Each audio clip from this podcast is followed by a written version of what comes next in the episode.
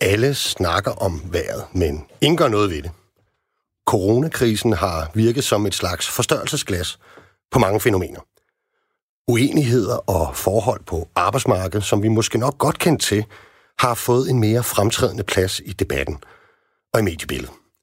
Vi har selv beskæftiget os med en række af de mest oplagte temaer i det her program. Mens Danmark for nogle hjørner af arbejdsmarkedet har været delvist lukket ned, har livsnødvendige og kritiske sektorer kørt videre. Enten ufortrødent, eller som i visse tilfælde, måske lige frem i et højere gear. Det har betydet et øget fokus på, hvilke stillinger og brancher, som kan kaldes afgørende nødvendige, for at vores samfund kan hænge sammen og komme igennem en sundhedskrise som den, vi har oplevet. Nogle har måske revurderet deres syn på, hvad for en type arbejde, der er afgørende og vigtigt. Og andre har måske fået øjnene op for, at en række af de jobfunktioner, vi ikke har tøjet med at kalde for livsnødvendige over en bred kamp, ikke nødvendigvis har arbejds- og især lønvilkår, som afspejler, at de skulle være ret vigtige. Nogle af disse funktioner opererer i den private sektor, andre i den offentlige. Enhedslisten på Christiansborg har nu tænkt sig, at den her debat og det øgede fokus på lavlønsgrupper skal blive til mere end snak, ros og anerkendelse, som bekendt er en lidt gratis omgang. Man har nemlig fået for de offentlige overenskomstforhandlinger til næste år foreslået, at Folketinget afsætter en pulje på 5 milliarder til for eksempel at forbedre lønnen for visse grupper. Sympatisk og konkret forslag eller utidig indblanding i forhandlinger og manglende respekt for den danske model. Vi tager debatten sidst i programmet med to, som normalt har deres gang i fagbevægelsen, men også har en partibog hos henholdsvis Socialdemokratiet og Enhedslisten. Hverdagsgeneraler eller skrivebordsgeneraler, planlæggerne eller de planlagte. Dem, som fandt ud af, at de faktisk sagtens kunne udføre deres arbejde selv på jobbet uden HR-afdelinger, mellemledere og kommunikationsdepartementer, og dem, som fandt ud af, at de faktisk godt kunne udføre deres arbejde derhjemmefra, meningsfuldt. Debatten har altid været der, men den er i den grad kommet op til overfladen og har fået fornyet styrke under coronakrisen. Debatten om, hvem der er mest vigtige og nødvendige, og måske også debatten om, hvordan ting har kunnet lade sig gøre i denne ret specielle situation på helt andre betingelser end normalt. Men er det bare den sædvanlige skyttegravskrig, djøfbashing og romantik om folkene på gulvet, der er tale om? Eller et helt rimeligt indspark – som giver en række faggrupper, som normalt ikke nyder den største anerkendelse, et tiltrængt fokus. Og samtidig kan indeholde nogle væsentlige erfaringer til, hvordan vores arbejdsmarked kan skrues anderledes sammen i fremtiden. Den debat får vi også taget pulsen på i dagens program, hvor vicedirektør på Københavns Universitet, Kim Brinkmann, og tidligere forbundsformand fra FOA, Dennis Christensen, samler op. Vi sender live i dag, så man kan sms'e ind på 1424, skrive R4 og så din besked efter et mellemrum. Mit navn det er Nikolaj Bensen. Jeg er offentlig ansat 3F'er og fællestillidsmand. Henvis til hjemmearbejde lidt endnu, og rigtig meget jeres vært den næste time. Velkommen til programmet.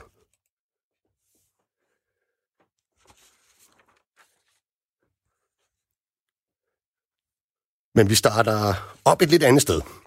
I torsdags blev regeringen og Folketingets partier nemlig enige om en yderligere genåbning af Danmark. Nogle ting kan åbne igen allerede i dag, andre ting må lige vente en uge mere. Men fra i dag af kan vi altså igen gå i butikker og storcentre, og fra den 18. maj kan caféer, restauranter og værtshuse igen slå dørene op. Det er nogle, men ikke alle trængte erhverv, der nu pludselig kan se frem til at komme i gang igen. Og nu skulle jeg meget gerne have Tore Strammer, cheføkonom i Dansk Erhverv, med mig på en telefon. Ja, det har du også. Goddag. Ja, hej Tore. Allerførst, hvad mener Dansk Erhverv om den første del af genåbningen, som nu eller meget snart træder i kraft? Jamen altså, det er jo rigtig positivt, at vi er nået dertil øh, i den her epidemi, at vi igen kan begynde at åbne op for dele af samfundet. Øh, men det kommer selvfølgelig efter en periode, hvor det har været rigtig svært for store dele af dansk erhvervsliv. Der er mange øh, virksomheder, der har oplevet, at, at mm. deres, øh, deres omsætning øh, har været forsvundet som duk solen, og har desværre været nødsaget til at afskede medarbejdere, og rigtig mange øh, deres medarbejdere på lønkompensation. Så øh, det er stadigvæk en svær tid, men der begynder at være lidt øh, lys for enden af tunnelen, øh, trods alt. Mm. Der er stadig mange, øh, som ikke kan åbne. Altså for eksempel er der hele turismeindustrien, som ikke er en del af, fase 2-genåbningen. Hvad tænker I om det? Jamen, det er klart, at øh, med tanke på, at vi også står foran øh, sommerhalvåret, hvor øh, store dele af turismeerhvervene jo har størstedelen af deres indtægt, så er det jo rigtig vigtigt, at vi meget får en afklaring på, øh, om de så at sige er købt eller solgt. Øh, og det er særligt en, en åbning af grænserne, øh, der skal træffes en beslutning om snarest. Mm. Øh, Øh, sker det ikke, øh, så øh, er vi i en situation, hvor, hvor, hvor de forvejen hårdt brancher, det er dele af restaurationsbranchen, det er hotel og det er turismeerhvervene, ja, de vil blive meget, meget hårdt ramt. Og det er ikke kun i de største byer, det er vel at mærke også øh, bredt geografisk funderet, øh, at vi se, at øh, det her øh, gør rigtig ondt øh, og kunne koste rigtig mange jobs, og formentlig også risikerer at sende en, en række øh, øh, virksomheder ud i konkurs, desværre. Ja, det, der, det er vel en lidt undervurderet point, er det ikke? Altså, fordi man kan jo godt hurtigt få den, øh, den forestilling, at, øh, at al turismen, den ligger i København og krydstogsskibe og så videre, men i virkeligheden er det vel sådan, at at turismesektoren og, og hvad kan man sige, følgesektoren, hoteller, restauranter og så videre, det er vel øh, også en af de største driver ude i provinsen overhovedet for beskæftigelse, er det ikke? Jo, altså hvis du kigger på, på områderne uden for de store byer, øh, og det er jo både på, på vestkysten, men det er også i syd- og Sydjylland, øh, og på store dele af, i store dele af Nordsjælland, der har vi, at øh, turismeerhverven er ekstremt øh, vigtige sektorer. Øh, og det er ikke kun for dem, der leger sommerhuse øh, eller øh, hotellerne, det er også for en lang række øh, købmænd, øh, iskiosker, øh, minigolfbaner. Øh, ja, du kan blive listen lang. Øh, der er mange støtter, der, der er rigtig afhængige af, at der kommer turister øh, hvert år. Og det er klart, at hvis de udbliver i stor stil, så er det noget, der kommer til at gøre rigtig ondt og kommer til at koste jobs øh, og kan også resultere i, at nogle virksomheder må dreje nøglen om. Så det er, det er meget vigtigt, et meget vigtigt fokus at have, øh, fordi det kan altså gøre rigtig stor skade ude i, i, i de ganske lande. Mm. Og nu nævner du selv, øh, det er der er ligesom nogen, der skal over grænsen for at kunne bruge de der øh, sommerhus, medmindre det kun er danskere, der... Vi må håbe og i øvrigt også forvente, at der er en del danskere, der heller ikke tager den anden vej over grænsen her til sommer, men lægger deres sommerferieplaner øh, indenrigs, kan man sige. Men, men I har også været bekymret for den her fortsatte grænselukning. Ikke? Prøv lige at sige lidt mere om det. Jamen, altså, vi kan, altså, hvis vi tager sommerhusene, så kan vi se på de seneste tal, at, øh, at der er sket et kraftigt, kraftigt, kraftigt dyk i øh, antallet af øh, bestillinger uden for landets grænser. Øh, men vi kan også se, at, at danskerne er jo langt fra er nok til at øh, opveje det fald i, i efterspørgselen uden for landets grænser. Så selv øh, i det tilfælde, hvor, hvor, hvor de fleste danskere jo nok bliver hjemme så vil det kun være et lille plaster på såret i forhold til øh, at dække tabet for, for, for, for, for de udenlandske øh, turister, der ikke kommer til landet. Øh, så det er rigtig, rigtig vigtigt, at man øh, hurtigt får en politisk afklaring på, om øh, grænserne øh, bliver åbnet her op til sommerferien. Og der har de så sat en deadline, der forløbig er op til 1. juni, og det vil så også i, høj grad være sidste udkald. Øh, fordi det er klart, at der er en masse øh, turister, der planlægger, mm. og jo længere tid der går, jo større risiko for, er der for, at de så går hen og, og simpelthen aflyser og afbestiller deres tur til Danmark. Mm. Øh, så der, der er brug for en hurtig afklaring. Ja. Altså, når jeg kigger på den der øh, genåbningsfase 2, ikke, øh, og hvordan den ligesom er sat sammen, så normalt så vil vi jo snakke om kombinationerne af en hel masse ting. Jeg vil jo umiddelbart tro, at, øh, at det at åbne op for restaurationslivet, caféer, øh, måske også i en vis udstrækning detailhandel øh, og andet, at det jo også hænger sammen med, hvad vi i øvrigt kan foretage os. Ikke? Altså om der er for eksempel øh, muligheder for kollektiv transport, om man normalt vil man jo gå til koncerter, til fodboldkampe, øh, i teateret måske, og alt muligt andet, ikke? og så tage en bid mad inden, og en øl bagefter, og alle de her ting. Ikke? Hvordan, hvordan ser I på det? Fordi at, er det ikke meget, meget, øh, et meget, meget tvivlsomt, og måske endda lidt usikkert grundlag at, at, at sende kunder afsted på de her? Er de der overhovedet? Jamen, altså hvis vi kigger på erfaringerne fra, fra andre lande, der har åbnet op, øh, for eksempel øh, Kina, øh, Sydkorea, jamen, så kan vi se, at, øh, at kunderne kun helt langsomt kommer tilbage. Øh, øh, og det kan jo hænge sammen med, at der stadig er en, en, en, en i altså en eller anden frygt for, at, at, at virus øh, stadig er i samfundet. Det kan også være, at man, man stadig bare er forsigtig, fordi man er bange for at miste sit arbejde. Mm. Øh, eller, som du selv er inde på, øh, når man ikke kan tage i teateret eller til en koncert, så tager man heller ikke ud og spiser den. Øh, så det vil jo også kunne påvirke det. Mm. Øh, I USA, der har vi også nogle erfaringer. Der så vi, at øh, selvom de var lidt langsomme til at øh, lukke ned for, for, for, for dele af samfundet, så så vi faktisk, at øh, besøgstallene til for eksempel øh, mange restauranter, det faldt drastisk i, i, i dagene og ugerne op til, til nedlukningen af den amerikanske økonomi. Øh, så der er, der, er sådan, der er sådan noget klar adfærd i det her, øh, som vi... Øh, jo langt fra kan være sikker på, at, øh, øh, at, at, at, at, at danskerne øh, vender tilbage i øh, butikkerne og i landets restauranter for dag 1, når der bliver åbnet op. Øh, så det, det bliver meget, meget spændende at følge, hvordan, øh, hvordan udviklingen, øh, udviklingen i danskernes forbrug kommer til at forløbe over de kommende øh, ja, dage og uger. Mm. Og hvad nu, hvis det ikke, altså hvis det nu faktisk viser sig, at øh, at det var, det var sværere at tiltrække kunderne, både til butikkerne og til caféerne, restauranterne og andet, øhm, i den her, hvad kan man sige, overgangsfase, inden alt bliver normalt, og, og andre sektorer kan få lov til at åbne. Har I nogle øh, politiske forslag på tapetet i forhold til, altså skal der holdes hånden øh, særligt under visse brancher? Øh, kunne man nærmest tale om en slags supplerende dagpenge til dele af erhvervslivet, eller hvad? Ja, men altså, man skal nok holde sig for øje, at, at, at hjælpepakkerne, de skal øh, afvikles øh, gradvist, og, og de skal øh, være afmålt i forhold til de udfordringer, som virksomheden stadigvæk øh, står overfor. Øh, så hvis vi er i en situation, hvor, hvor, hvor kunderne kun kommer langsomt tilbage, og hvor, hvor det er meget problematisk øh, for, for visse øh, virksomheder, og det ligesom ikke hænger sammen, jamen, så er der, så er der stadig brug for, at der er en, en vis form for kompensation. Øh, kigger vi på forbrugssiden, jamen, så er der jo også brug for, at øh, at øh, man fra politisk øh, side understøtter privatforbruget. Det kan man selvfølgelig gøre ved at sende nogle penge ud, øh, øh, sådan så danskerne de, øh, tager ud i butikkerne og øger deres forbrug. Øh, men jeg tror i høj grad også, at man skal øh, være klar kommunikationen øh, fra myndighedernes side. Mm. Vi så, da samfundet lukkede ned, at man var meget klar i kommunikationen. Og den meget klare kommunikation skal man også øh, tage med, når man åbner op igen. Sådan så man som forbruger, dansker, øh, har en vis øh, vidshed for, øh, hvad sker der nu, og hvad der er i vente, øh, og hvordan skal jeg agere i forhold til det. Mm. Øh, det tror jeg er meget, meget vigtigt for, at vi kan få en så skånsom og, og hvad skal man sige, glidende overgang til øh, at åbne øh, samfundet op igen. Mm. Altså noget, det, det går, tingene går hurtigt i øjeblikket, og noget af det nyeste, der er sket, det er jo, at man nu faktisk øh, ender nok med en anbefaling, at der kun skal være en meters afstand imellem sig.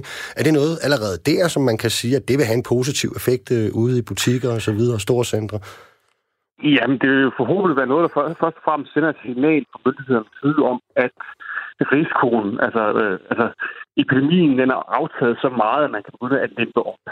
Øh, dertil så er det jo også klart, at øh, den her sociale distancering øh, med videre, det udgør jo også en omkostning for mange virksomheder. De har mange kunder i butikken. Øh, der skal være øh, afstandsmarkører, der skal være færre varer, og, så, og der, der er en masse omkostninger forbundet med det. Og det bliver selvfølgelig også alt andet mindre.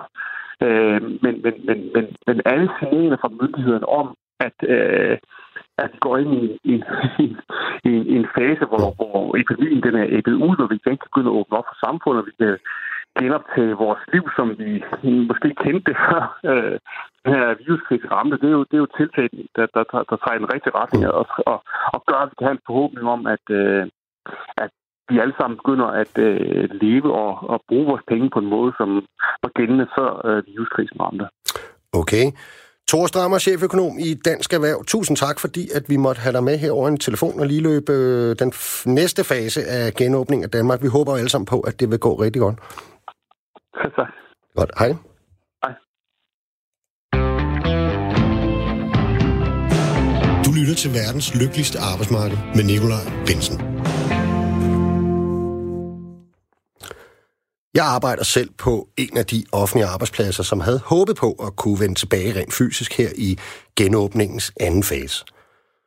Men mig og mine kollegaer, vi måtte vente lidt endnu.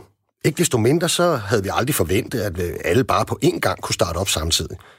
Så hos os blev der lavet en prioriteringsrækkefølge for, hvilke opgaver og faggrupper, som i første omgang skulle have lov til at vende tilbage fysisk på jobbet, og hvem der i videst mulig omfang skulle fortsætte med at løse deres opgaver hjemmefra. Og den her debat om, hvordan vi har klaret opgaver under coronakrisen, og hvem det er mest hensigtsmæssigt, som starter først op på selve arbejdspladsen, når Danmark gradvist genåbnes, har foregået i mange virksomheder og offentlige institutioner, og er derfor en slags bagtæppe til den debat, vi skal have nu. Vi har tidligere her i programmet dedikeret en hel udsendelse til at tale om hverdagens helte, sygeplejersker, sosuer, kassemedarbejdere, portører og så videre. Alle dem, der spiller en vigtig rolle for, at julen i samfundet kan dreje rundt. Også, og måske især i en krigstid. Det er dog ikke alle, der mener, at coronakrisen har vist os, at alle djøffere og skrivebordsarbejdere i virkeligheden godt kan undværes. Det gælder for eksempel for Kim Brinkmann, visdirektør på Københavns Universitet. Og dig skulle jeg meget gerne have med over en telefon nu. Hej Kim. Ja, hej med dig. Hej Kim. Kan du høre mig? Hej. Ja, det kan du tro. Kan du høre mig? Det kan du tro. Nej, hvor er det godt. Så er vi i hvert fald på samme bølgelængde lige der, ikke? øhm, du mener jo, Kim, ikke at coronakrisen har vist os, hvem der egentlig varetager de vigtigste funktioner i samfundet. Hvorfor ikke? Nej, af flere grunde. Altså, det så tror jeg, at det sådan helt generelt er, er en skidt idé i sådan en, en krisetid at begynde at, at skulle gøre den slags øh, ting op det synes jeg, man skal have et, øh, et meget bedre overblik øh, over for at kunne gøre. Altså, så det er den ene ting. Den anden ting er jo, at, at vi er jo helt sikre på, at vi har styr på, hvad der er vigtige funktioner og ikke særlig vigtige funktioner. Det, det er jeg ikke særlig sikker på. Det er klart, øh, man kan jo have det øh, sådan, at det, man lige udenbart kan se, det virker enormt vigtigt. Så sygeplejerskerne øh, og lægerne øh, og socialassistenterne og plejehjemspersonalet bliver selvfølgelig super vigtigt sammen med kassedamerne øh, nede i Netto. Men øh, det er jo lige det, vi kan se foran næsetippen. Det betyder jo ikke, at der er andre funktioner, som er super vigtige, men som ikke er umiddelbart synlige, at de bliver mindre vigtige. Så man skal virkelig passe på her, at man ikke kommer til at trække de forkerte streger i sandet. Mm. Men en af grundene til, at nogle af dem vil have været fremhed, så er det vel også fordi, at nogen har kunne få øje på et misforhold imellem, at vi kalder dem for hverdagens helte og livsvigtige osv., og, og så at nogle af de grupper også øh, ligger i den lavere ende af lønskalaen, øh, måske ikke altid har de bedste arbejdsvilkår og så videre. Ikke? Men, altså, du mener generelt, at vi skal stoppe med at misbruge, mener du, man misbruger coronakrisen til sådan at opdele øh, det danske arbejdsmarked i de nyttige og dem, der kan undværes?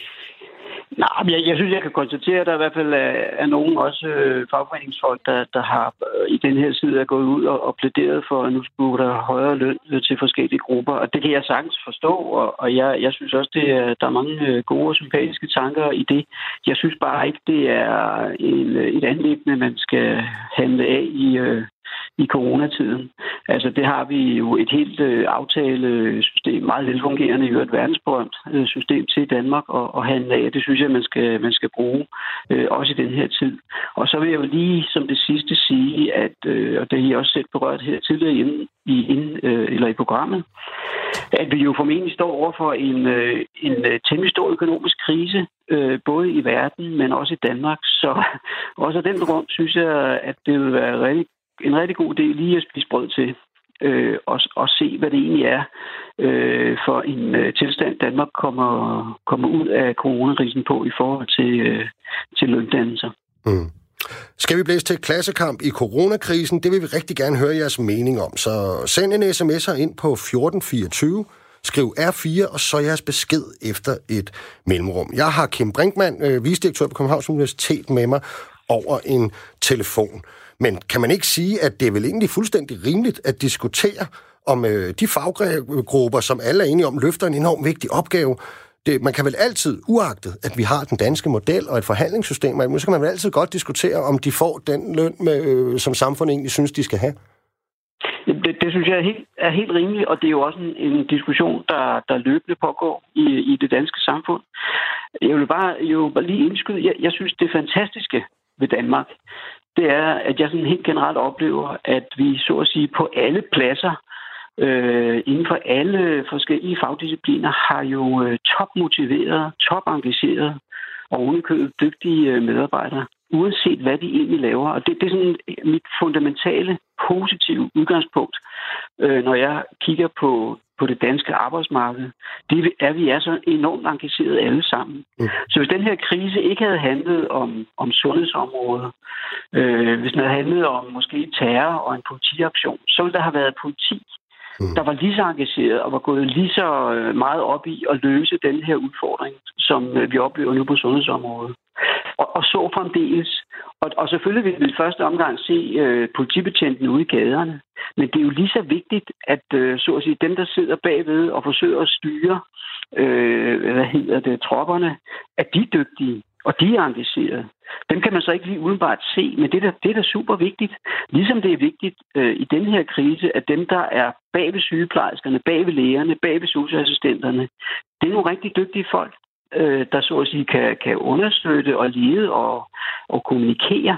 Og det er alt sammen, nogle af dem bliver jo så kaldt djøffere, og, og, og i øjeblikket synes vi ikke særlig godt om dem. Men, men de kan altså have nogle arbejdsfunktioner, som er lige så vigtige som, øh, som den funktion, vi lige nu kan se hos sygeplejersken. Mm. Altså, jeg har da personligt, det vil jeg da gerne sige, oplevet, at, øh, at nogle af de grupper, som, øh, som nogen på arbejdsmarkedet måske er svære ved at se, hvad, hvad, hvad deres bidrag egentlig er, at, at at det bliver egentlig meget aktuelt lige nu i en øh, sundhedskrise. Øh, og her snakker jeg for eksempel om HR-afdelinger og så videre, altså som skal oversætte øh, regler og udstukne retningslinjer for sundhedsmyndigheder til konkret politik og facilitere nogle processer øh, ude på vores offentlige arbejdspladser for eksempel, når vi skal genoptage arbejde. Ikke? Øh, kommunikation. Man er jo idiot, hvis man mener, at kommunikation ikke er vigtigt i den her øh, fase. Ikke? Altså, så, så det, det, jeg vil i hvert fald nok opleve det, hvis der ikke var nogen kommunikation. Ikke? Så, så det er jeg sådan set med på. Men hvis jeg skal være lidt fræk, er det ikke også fordi, at, øh, at sådan en som dig, for eksempel, ikke? Altså, og mange andre øh, tøffer og vidensarbejdere, dem som varetager en vigtig og samfundskritisk funktion, de får jo allerede en rigtig god løn, og har jo i forvejen rigtig gode arbejdsvilkår, ikke? Og hvorfor bør det samme så ikke gøre sig gældende for dem, der måske er lavt lønnet? Kan man ikke unde dem lidt rampelys? Jamen, øh, det, det, det kan man bestemt øh, rampelys og, og alt muligt andet, også mere end rampelys, fordi det, bliver man jo, det kan man jo som bekendt ikke betale sin, øh, sin husleje med. Så, så det er sådan set ikke det. Altså, jeg, jeg synes, det er, er fint. Vi har den her løbende debat i, i Danmark i forhold til, hvordan skal goderne i virkeligheden fordeles. Det er sådan set lidt det, vi snakker om her. Ikke? Og, øh, og det synes jeg sådan set også, vi har. Det har vi et, øh, et glimrende arbejdsmarkedssystem øh, til i Danmark, og det er jo så det, vi skal bruge. Så er der lige en ting, jeg så bliver nødt til at, at mm. sige, det er jo, at vi jo i en eller anden form har besluttet igennem årtier i Danmark, at vi giver helt generelt, så giver vi højere løn, jo længere uddannelse du har. Ja. Og det kan man diskutere. Er det, er det forkert? Skal vi lønne det på en anden måde øh, i det danske samfund? Det, øh, jeg synes, det er interessant, og det er en politisk diskussion og alt muligt andet. Øh, jeg synes ikke, den har super meget med coronakrisen øh, at, at gøre. Det skal, der skal man ligesom skille de der øh, to ting ad. Men jeg synes personligt, at det giver god mening at have det blik på et samfund som vores, der bliver mere og mere kompliceret, der bliver mere og mere videnstungt hvor du ligesom, øh, så at sige, skal have nogle kvalifikationer. Øh, de behøver ikke at være sådan øh, højt akademiske, men du skal have en, en spidsuddannelse for at kunne gøre dig på et øh, moderne arbejdsmarked. Og det kan vi jo også se igen og igen.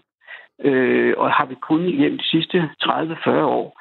Hvad er det? Hvilke jobs er det, som den teknologiske udvikling og algoritmerne og robotterne og automatisering, hvem er det, de spiser først?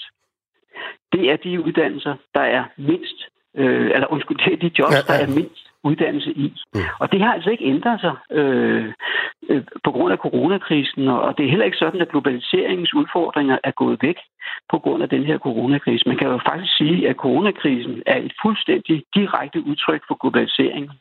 Altså et marked i Kina fører omgående, eller en fejl på et marked i Kina fører omgående til at sige til verdenskrise. Det er simpelthen et, et globalt øh, udtryk, hvad enten man kan, man kan lide det eller ej. Mm. Okay, Kim, hæng lige lidt øh, på her. Vi har fået en sms ind fra HC, som skriver meget kort, må man sige. Hvad med mig? Chauffør, arbejder 60 timer om ugen. Øhm, jeg vil håbe, det er en gennemsnitlig arbejdstid, han opererer med øh, lige der. Men så vil jeg derudover sige, at øh, jeg oplever jo faktisk, at, øh, at det ikke kun er øh, de offentlige ansatte lavtlønne, man snakker om i den her sammenhæng. Det er også kassedamer, det er også mange af dem, som i transportsektoren, vi har fundet ud af, jo altså er virkelig afgørende. Men vi skal jo altså have noget debat om det her, og derfor så skulle jeg meget gerne have Dennis Christensen, tidligere forbundsformand for FOA, med over en telefon også. Det har du også. Hej Dennis. Hej.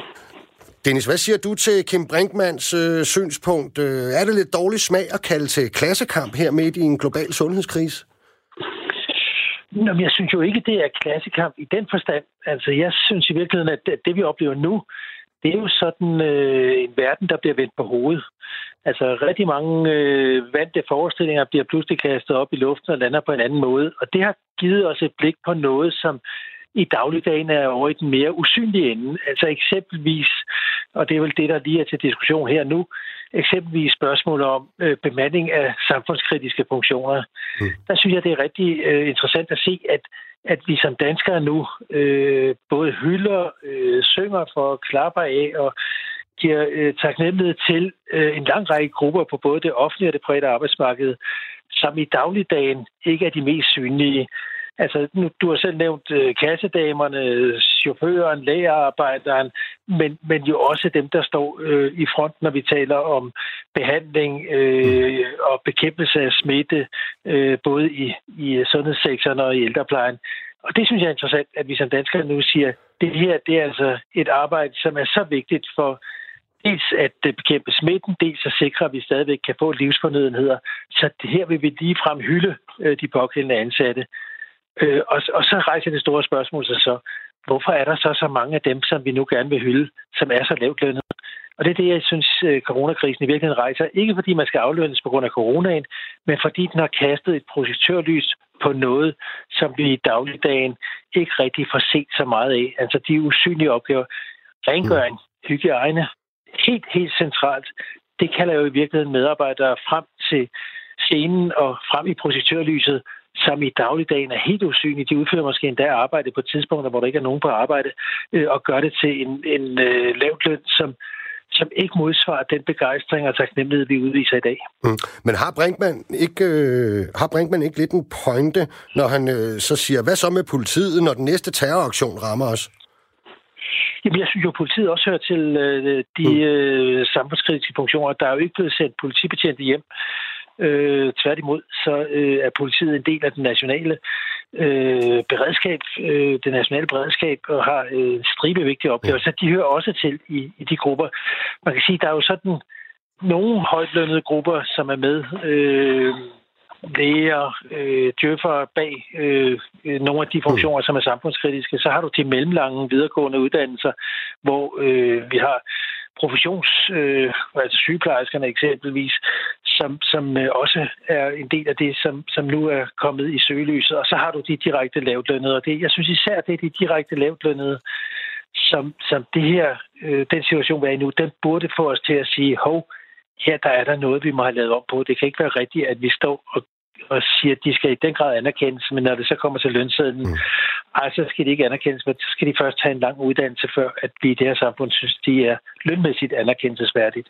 Ja, hvad, hvad mener du om det der? Du har jo prøvet at forhandle øh, overenskomster i jeg ved ikke hvor mange år, øh, så hvad, og det er jo rigtigt, den oplever vi jo også selv, at den der øh, uddannelsesmæssige mekanisme, det er jo også en strategi, vi har brugt i fagbevægelsen, at når vi kaster øh, efteruddannelse og uddannelse efter en bestemt gruppe, så er det også nemmere at få hævet deres løn. Øh, jeg, jeg har altid sådan helt forstået, at, øh, at det her øh, med, at uddannelse skal øh, kunne betale sig i den forstand, at vi skal give en løn, der er væsentligt, væsentligt højere end øh, kortuddannede eller ufaglærte. Altså, vi, når vi fører overenskomstforhandlinger, det er jo særligt tydeligt i den offentlige sektor, for her forhandler vi sammen. Det gør man ikke på samme måde i den private sektor. Så det er helt tydeligt, at vi godt nok forhandler, hvad skal de enkelte faggrupper have i løn. Men vi forhandler i virkeligheden også relationerne mellem lavtlønnede og mellemlønnede, og mellem mellemlønnede og højtlønnede. Altså det er i virkeligheden også den der gensidige vogten på hinanden på, at I må ikke bevæge jer for langt væk fra os, og I må ikke komme for tæt øh, mm. på os. Det er i virkeligheden også øh, en del af sådan en overenskomstforhandling, hvor jeg, hvor jeg tænker, at lige præcis den her diskussion jo, og bliver jo også til en diskussion, hvor, hvor jeg synes, at Brinkmann og, og de højtlønnede i høj grad anerkender, at øh, der er grupper her, som virkelig er blevet synlige, men de synes jo også, at øh, der stadigvæk skal være en markant lønforskel mellem dem og så dem, der har fået de lange uddannelser. Og jeg tænker, vi, vi som skatteydere og samfund, så betaler vi i forvejen selve uddannelserne, vi betaler uddannelsesstøtten, og så betaler vi også for, at lønnen skal være markant, markant, markant øh, højere øh, for de grupper, som har taget de lange uddannelser. Der er simpelthen noget galt i vores grundsyn på, på det her. Det synes jeg, coronakrisen har kastet et øh, rigtig godt lys på. Okay, det synes jeg, Kim Brinkmann skal have lov til at komme ind på det der. Jamen, øh, altså igen kan man sige, det, det synes jeg også, Dennis er lidt inde på, det, det er jo i virkeligheden virkelig svært at lave sådan en, en sondring. Øh, hvem, hvem skal så øh, være med i den her gruppe, der skal få, øh, få mere i løn, for eksempel? Hvad med, med skolelærerne og pædagogerne? Øh, Dennis sagde, nu var politibetjenten også med. Øh, men hvad med skolelærer og pædagoger? De udfører jo også et fantastisk stykke arbejde. De kom lidt sent ind i coronakrisen, fordi de først blev lukket op øh, senere i, i forløbet. Øh, skal de så ikke være med her? De får, det er der i hvert fald mange, der mener, de får også for lidt i løn. Og der er jo mange andre grupper. Øh, enten så er der nogen, der mener, at de får for lidt i løn, eller også mener de det i hvert fald selv. Så man skal i hvert fald være, være spids i sin øh, arbejdsmarkedsanalyse for at finde ud af, hvordan man så honorerer, honorerer det her på, på en rigtig måde. Og så er det igen, jeg bliver nødt til bare at sige det, altså Øh, hvis der sidder en, en fuldmægtig i Sundhedsstyrelsen og laver et notat, så kan det være super, super kedeligt. Det er ikke synligt for nogen som helst, men det kan være virkelig, virkelig vigtigt. Øh, og hvordan får man den slags ting ind i, øh, i den her måde at, at tænke på? Øh, det, det er virkelig svært, ikke? fordi du kan ikke se det. Øh, og, øh, og det er omkødet en akademiker, Øh, måske sikkert er det også en djøffer. Øh, så det hele vender forkert, men det er alligevel, men det er alligevel vigtigt. Så, så jo, det, er jo, det er ligesom for at holde det her op i, og få ind i et, i et rigtigt perspektiv. Øh, det er ikke for at sige, at jeg er imod, at, at der sker forandringer i vores løndannelser rundt omkring, men, men, men man skal virkelig være, være, være forsigtig øh, i forhold til at få, få lavet øh, en ny model eller en revideret model på en ordentlig måde, set i forhold til, til de modeller, vi har i dag, som vi jo dybest set synes fungerer relativt godt. Skal lige have Dennis ind her? Men, men jamen, Kim, altså, jeg, jeg anerkender, det synes jeg også, jeg sagde, at der jo også er højtlønnede grupper, som er en del af dem, der er blevet udpeget til samfundskritiske funktioner, og derfor skulle være i arbejde fortsat. For eksempel lægerne, men også øh, djøffer, der, der ligger bagved der. Men det, jeg synes, der er problemet her, det er jo, at vi, vi diskuterer det her, som om de højtlønnede skal afgive noget til de lavtlønnede det er sådan set ikke min pointe. Min pointe er, at vi skal hæve de lavtlønnede, så de kan se, at den anerkendelse, de udsættes for nu, altså den verbale, den sangmæssige, klapsalvemæssige øh, anerkendelse, den rent faktisk også løfter den lønmæssigt. Og der er min erfaring altså desværre fra overenskomstforhandlinger, at er der noget, og nu er det ikke Kim, jeg skyder på, for han deltager ikke i overenskomstforhandlingerne, men er der noget, de højtlønnede bliver paniske over, så er det at høre om skævdeling i et overenskomstresultat. Altså ikke at nogen skal gå ned i løn, men at et kommende resultat for eksempel skal give flere øh, kroner til de bredt, eller undskyld, til de, de lavtlønnede end, øh, end øh, til de højtlønnede. Vi lever i et system, hvor vi forhandler, især i den offentlige sektor, eller i den offentlige sektor, forhandler procentvis lønfremgang, og der er det jo meget, meget sjovere at få 1% i lønfremgang, hvis man tjener en million, end det er, hvis man tjener 200.000. Det giver jo mange flere kroner. Mm. Hver gang vi prøver på at gøre noget ved det, så går der fuldstændig panik i de højtlønne, og så får vi de der meget, meget lange sange fra nogle meget, meget varme lande om, øh, at det skal kunne betale sig at uddanne sig. Og det er der, hvor jeg siger, I må da for pokker være en lille smule konsekvente som højtuddannede, når I roser de grupper, som nu bliver rost i offentligheden, og I er med til det, så må I da også være parat til at sige, okay, der går jo ikke noget af os af, at de grupper skal have nogle løft, som vi ikke nødvendigvis skal have tilsvarende. Nej, altså, jeg, jeg tænker også, det, det er ikke det eneste sted, vi lidt ser den der øh, mekanisme, da der kom forslaget om differentieret pension som jo altså ikke øh, byggede på, at nogen højtuddannede skulle have ringere betingelser, eller for den sags skyld skulle aflevere direkte penge til, at øh, primært ufaglærte og kortuddannede skulle have mulighed for en tidligere tilbagetrækning. Så bredte der sig også en voldsom debat om, hvad nu med akademikere, og hvad med os? Øhm, er I nogle gange lidt nærtagende i virkeligheden, øh, Kim, på det der? Fordi vi kan vel godt være enige om at tale en gruppe op øh, og gøre noget, noget godt for, øh, for den også lønmæssigt, uden at det går ud over akademikere og højtuddannede? Ja, altså nu, øh, det er ret jeg, jeg, har ikke, øh, jeg har ikke været med til sådan nogle forhandlinger omkring øh, bordet med, hvor mange skal have øh, hvor meget i løn, og, og hvis der kun er den, øh, den samme lavkage, øh, har man så øh, har man lidt svært ved at anerkende hinanden. Så det, den kender jeg ikke. Jeg har, jeg har sådan set kæmpe stor respekt, og har altid haft det øh, for dem, som, som laver noget andet, øh, end jeg gør. Og det er jo det, jeg egentlig synes, der er de virkelig, virkelig smukke ved, ved, ved Danmark. Det er den her respekt for hinandens arbejde. Altså, jeg har som udgangspunkt en tro på, at det, du gør, det er du virkelig god til, og du er meget øh, motiveret og engageret, fordi det viser de fleste undersøgelser, at sådan er vi som danskere, når vi går på arbejde. Og man kan også se i den her coronakrise, når man spørger øh, folk rundt omkring, hvad savner du i virkeligheden mest, så siger man, øh, og det skal man jo i hvert fald også sige, så kommer familien som regel ind som nummer et. Men nummer to, det er jo faktisk ens arbejde at man egentlig meget gerne, selvom man skulle være mm. øh, hjemsendt, eller hvad det nu kan være, så, så går man simpelthen og drømmer om at komme tilbage, tilbage på sit arbejde. Og det er jo, det kan også give problemer, hvis det bliver for meget med stress og alt muligt andet, men det er jo grundlæggende for et samfund helt fantastisk, at vi har fået strikket sådan et system sammen. Så det er jo også den respekt, jeg synes, at vi er inde og pille ved lidt her, hvor det bliver sådan lidt, der er, der er dem, der ligesom øh, kan ses og er synlige, og dem, der vi klapper af, og så er der de andre. Og, og nogle gange bliver det sagt, så er der dem, der er blevet hjemsendt, ikke? Og, mm. og vi kan bare blive derhjemme, og vi ligger i hængekøjen. Det er for det første forkert.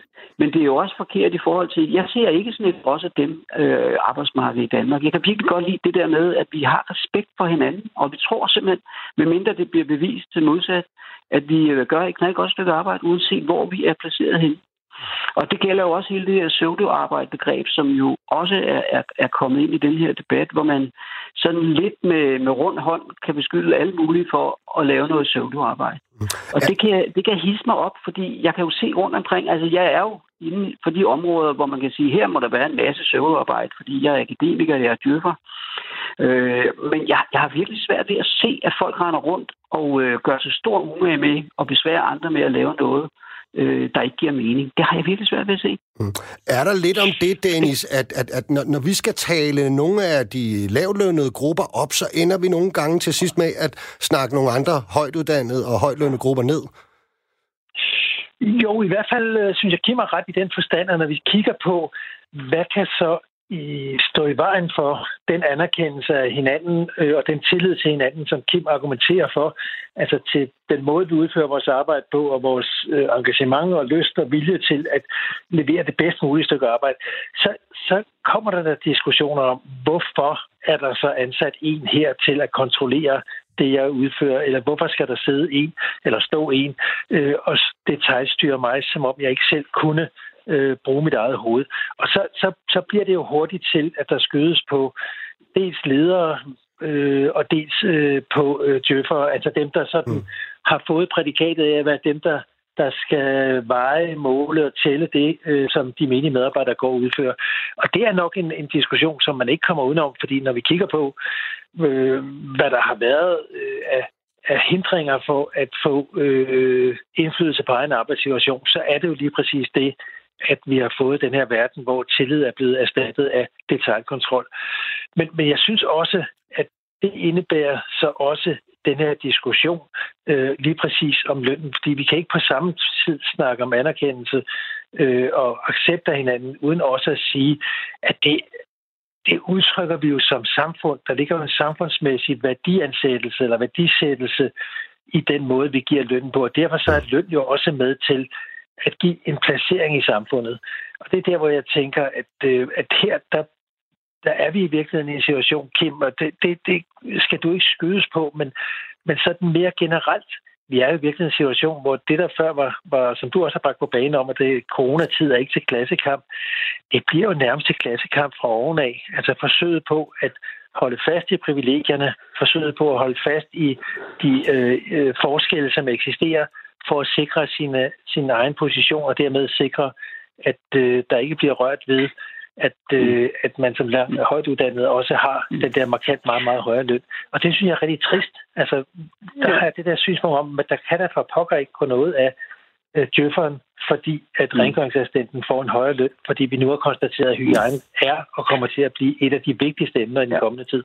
Okay. Men, men, men, men det tror jeg, der er jeg sådan set jo, der er meget enig med, med, med Dennis. Altså, øh, man skal virkelig passe på på, på kanten af den her coronakrise, der er det for mig en, en stor politisk opgave at forholde sig til, hvordan så at sige, regningen skal betales, hvis man bare kan sige det. Fordi det er klart, hvis man mm. ikke gør noget, hvis man forestiller sig, at man ikke gjorde noget, så dem, der kommer til at betale, og dem, der kan mærke det mest, det bliver selvfølgelig øh, har sagt, øh, de grupper i samfundet, der er svagest. Øh, både lønmæssigt, men jo også i alle mulige andre sammenhænge. Og, og det skal man jo virkelig øh, være opmærksom på. Øh, for mig er det et kæmpe er vi helt enige, politisk, Ja, der er vi helt enige, og det er jo et kæmpe interessant politisk spørgsmål. Øh, og skulle man måske allerede have været forberedt det øh, tidligere og alt muligt andet, men det bliver i hvert fald super, super vigtigt, øh, uanset hvilken farve man har politisk, tror jeg, og det er at forholde sig lige præcis til det mm. spørgsmål. Godt. Som, han, som for mig at se, han, at det rækker mere, det, det er mere end løn. Det er meget mere end løn. Det, det er alt muligt andet, som man bliver påvirket af øh, i det her samfund. Det tror jeg helt sikkert. Det, det er enig, men det er også løn. Det er også løn, og, og I, var, I var jo nærmest enige lige før, og der vil jeg rigtig gerne have stoppet jer begge to og sige tusind tak, fordi I ville medvirke i programmet. Det var en god debat. Selv tak. Selv tak. Hej. Selv tak. Ha' det godt. Hej.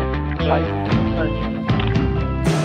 Du lytter til verdens lykkeligste arbejdsmarked med Nikolaj Bensen. Til næste år skal der forhandles nye overenskomster på det offentlige område.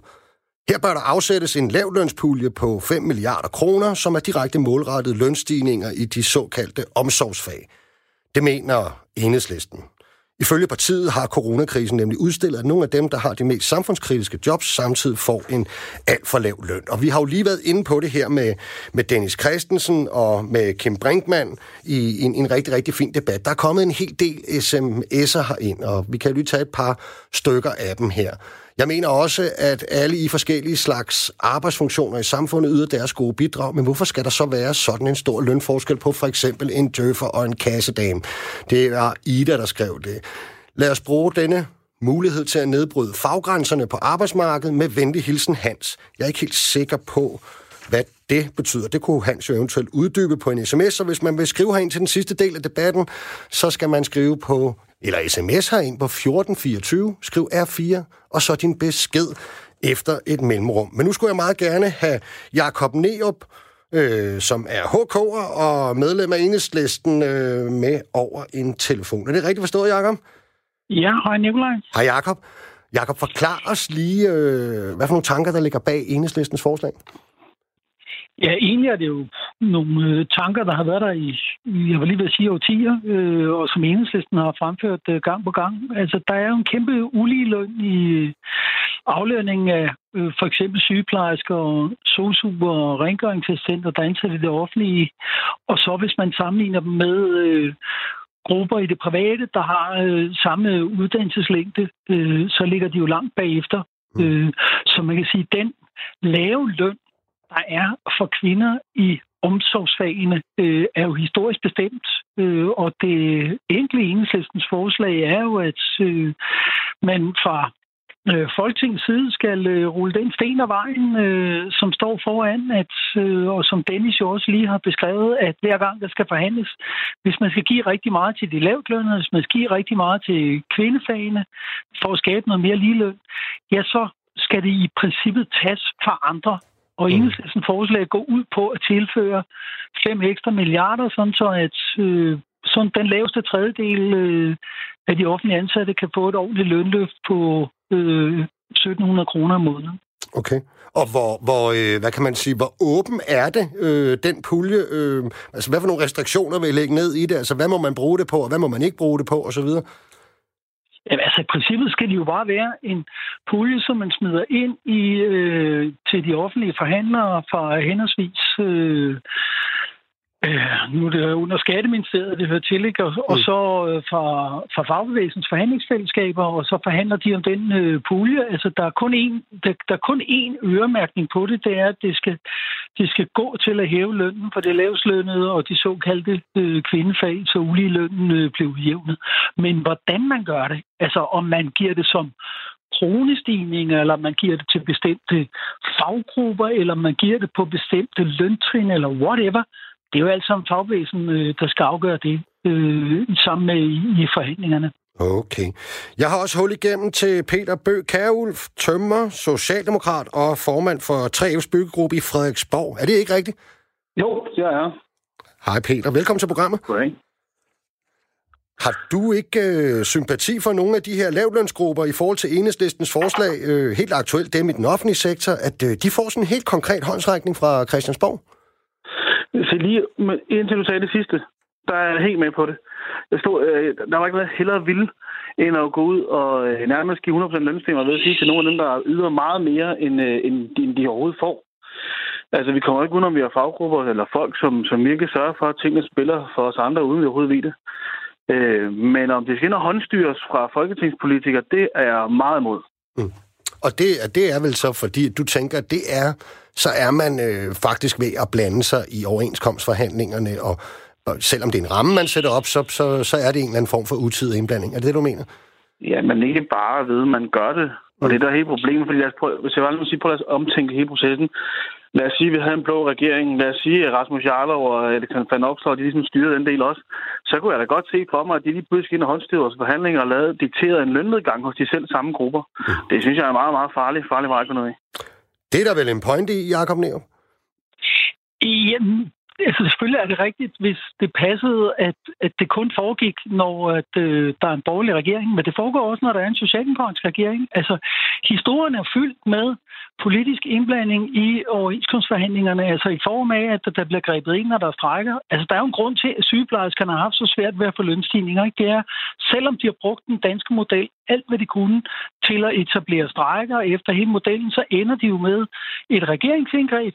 De ender med at have en meget lidt effektiv strække, fordi de er underlagt i nødberedskab, og alle Jacob, de penge, du, du der bliver... Hallo, hallo, to, to sekunder, hallo, to sekunder. Lad mig lige...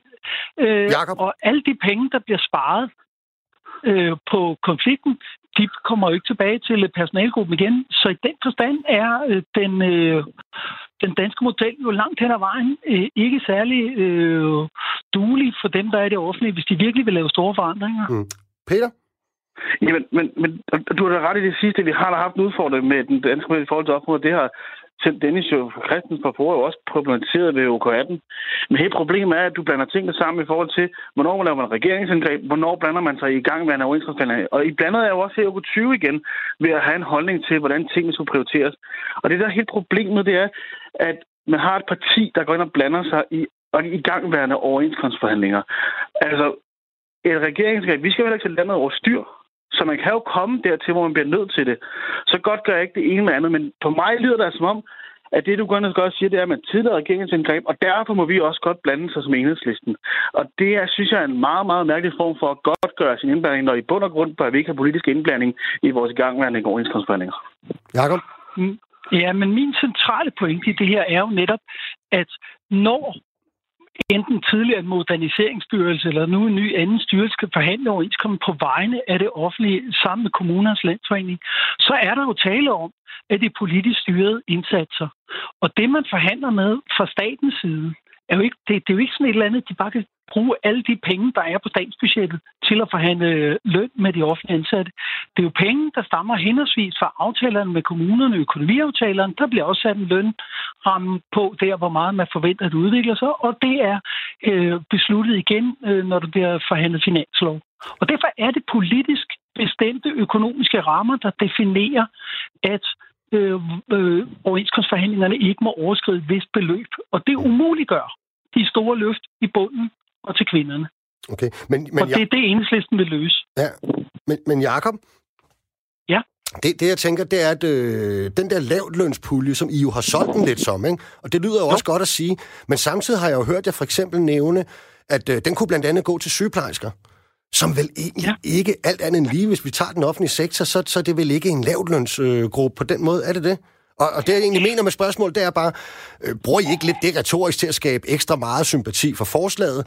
Men når det kommer til stykket, vil det vel forvirre begreberne? For så er der vel en gruppe, som er meget mere højtløn end for eksempel rengøringsansatte inden for den offentlige sektor. Øhm, og de, som ligesom I har fået skabt et forventningspres øh, hos dem derude, som gør, at de tror, at de skal have del i det her også.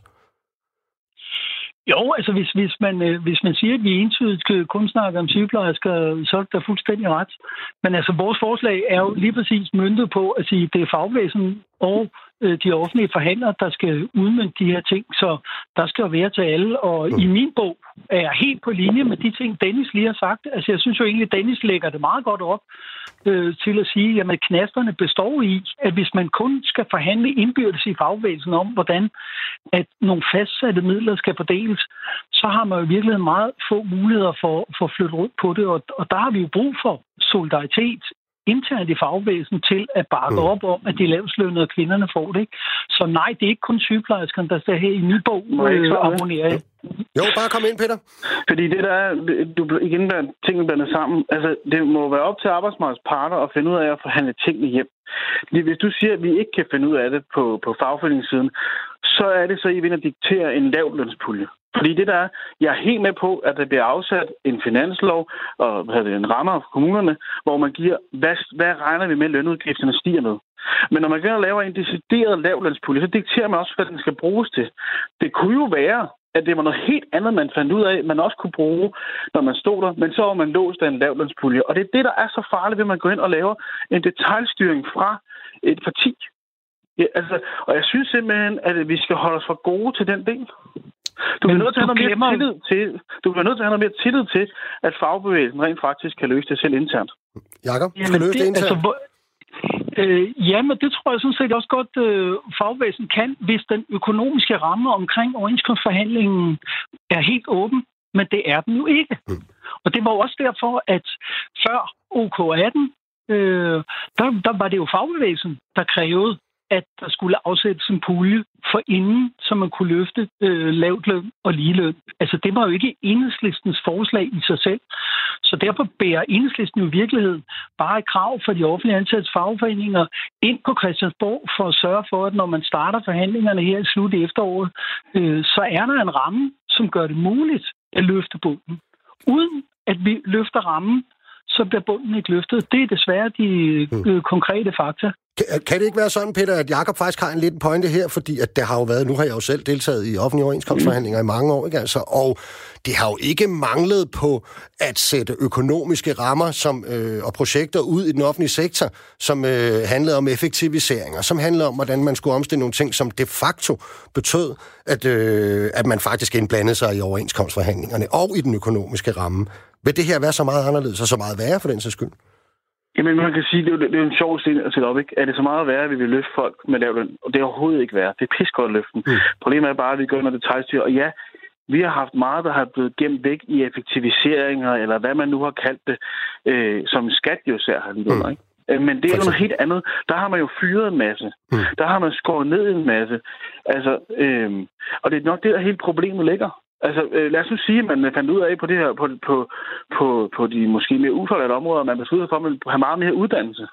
Kommer man så ind og spænder ben med en lavlønns øh, det, pulje? Altså, det, det, det er derfor, jeg siger, lad nu arbejdsmarkedets parter selv løse det. Og ja, det er, der, der, grænsen er jo sværere på det offentlige område, fordi at det jo også sidder med ministerierne og forhandler frem for, når vi sidder med det private, hvor det ikke på samme måde kan dikteres.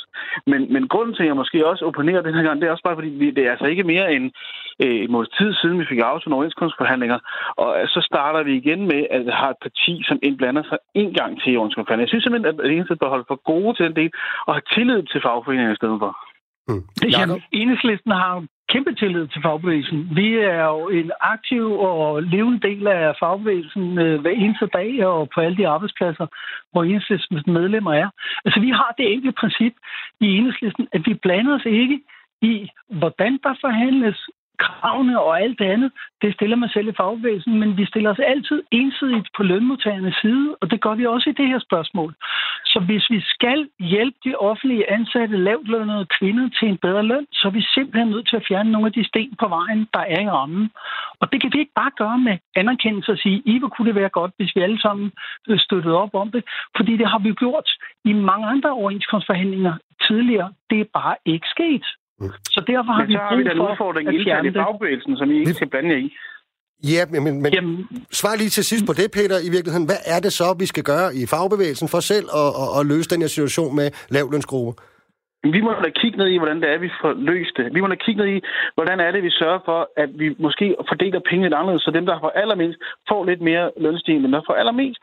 Altså, jeg kan se, at man har lavet procentvis stigning i OK18. Det kunne være, at man skulle vende den rundt og se lidt på at give lidt mere kroner og øre stigning. Så man gør og det ja, private? som man nogle gange gør i det private. Og ja, mm. det betyder jo selvfølgelig, at der er nogen, der har en væsentlig større løn, der ikke får en lige så markant lønstigning, end dem, der får mindst. Men vi kan jo selv løse det. Og det er også det, jeg siger. Når man siger, at man, står, man, man ikke vil blande sig, men man kan stadig gerne gå ind og sige, at det skal være til de lavlønnede. Og så, Jacob, du svarer ikke mit spørgsmål. Hvad nu, hvis vi har lyst til at bruge det til uddannelse for at løfte folk den vej rundt? Så har I låst det til, til det skal være til lavlønnede. Det, det, når, det når han heller ikke at svare på, øh, Peter. Vi, vi, vi lader den ligge her, venner. Det var tusind, uh, tusind tak, fordi I vil være med i den her debat. Jeg tror, I begge to er enige om, at vi skal have løftet nogle af de laveste lønninger i det her Det er nemlig land. rigtigt. Tak, fordi I måtte være med. Det var så lidt. Og jeg siger så tak for i dag. Vi er allerede tilbage igen samme tid og sted næste mandag fra kl. 11.05 til kl. 12 her på kanalen. Verdens lykkeligste arbejdsmarked er produceret af Rakkerpark Productions. Mit navn er Nikolaj Bensen, producer af Julie Lindhardt Højmark.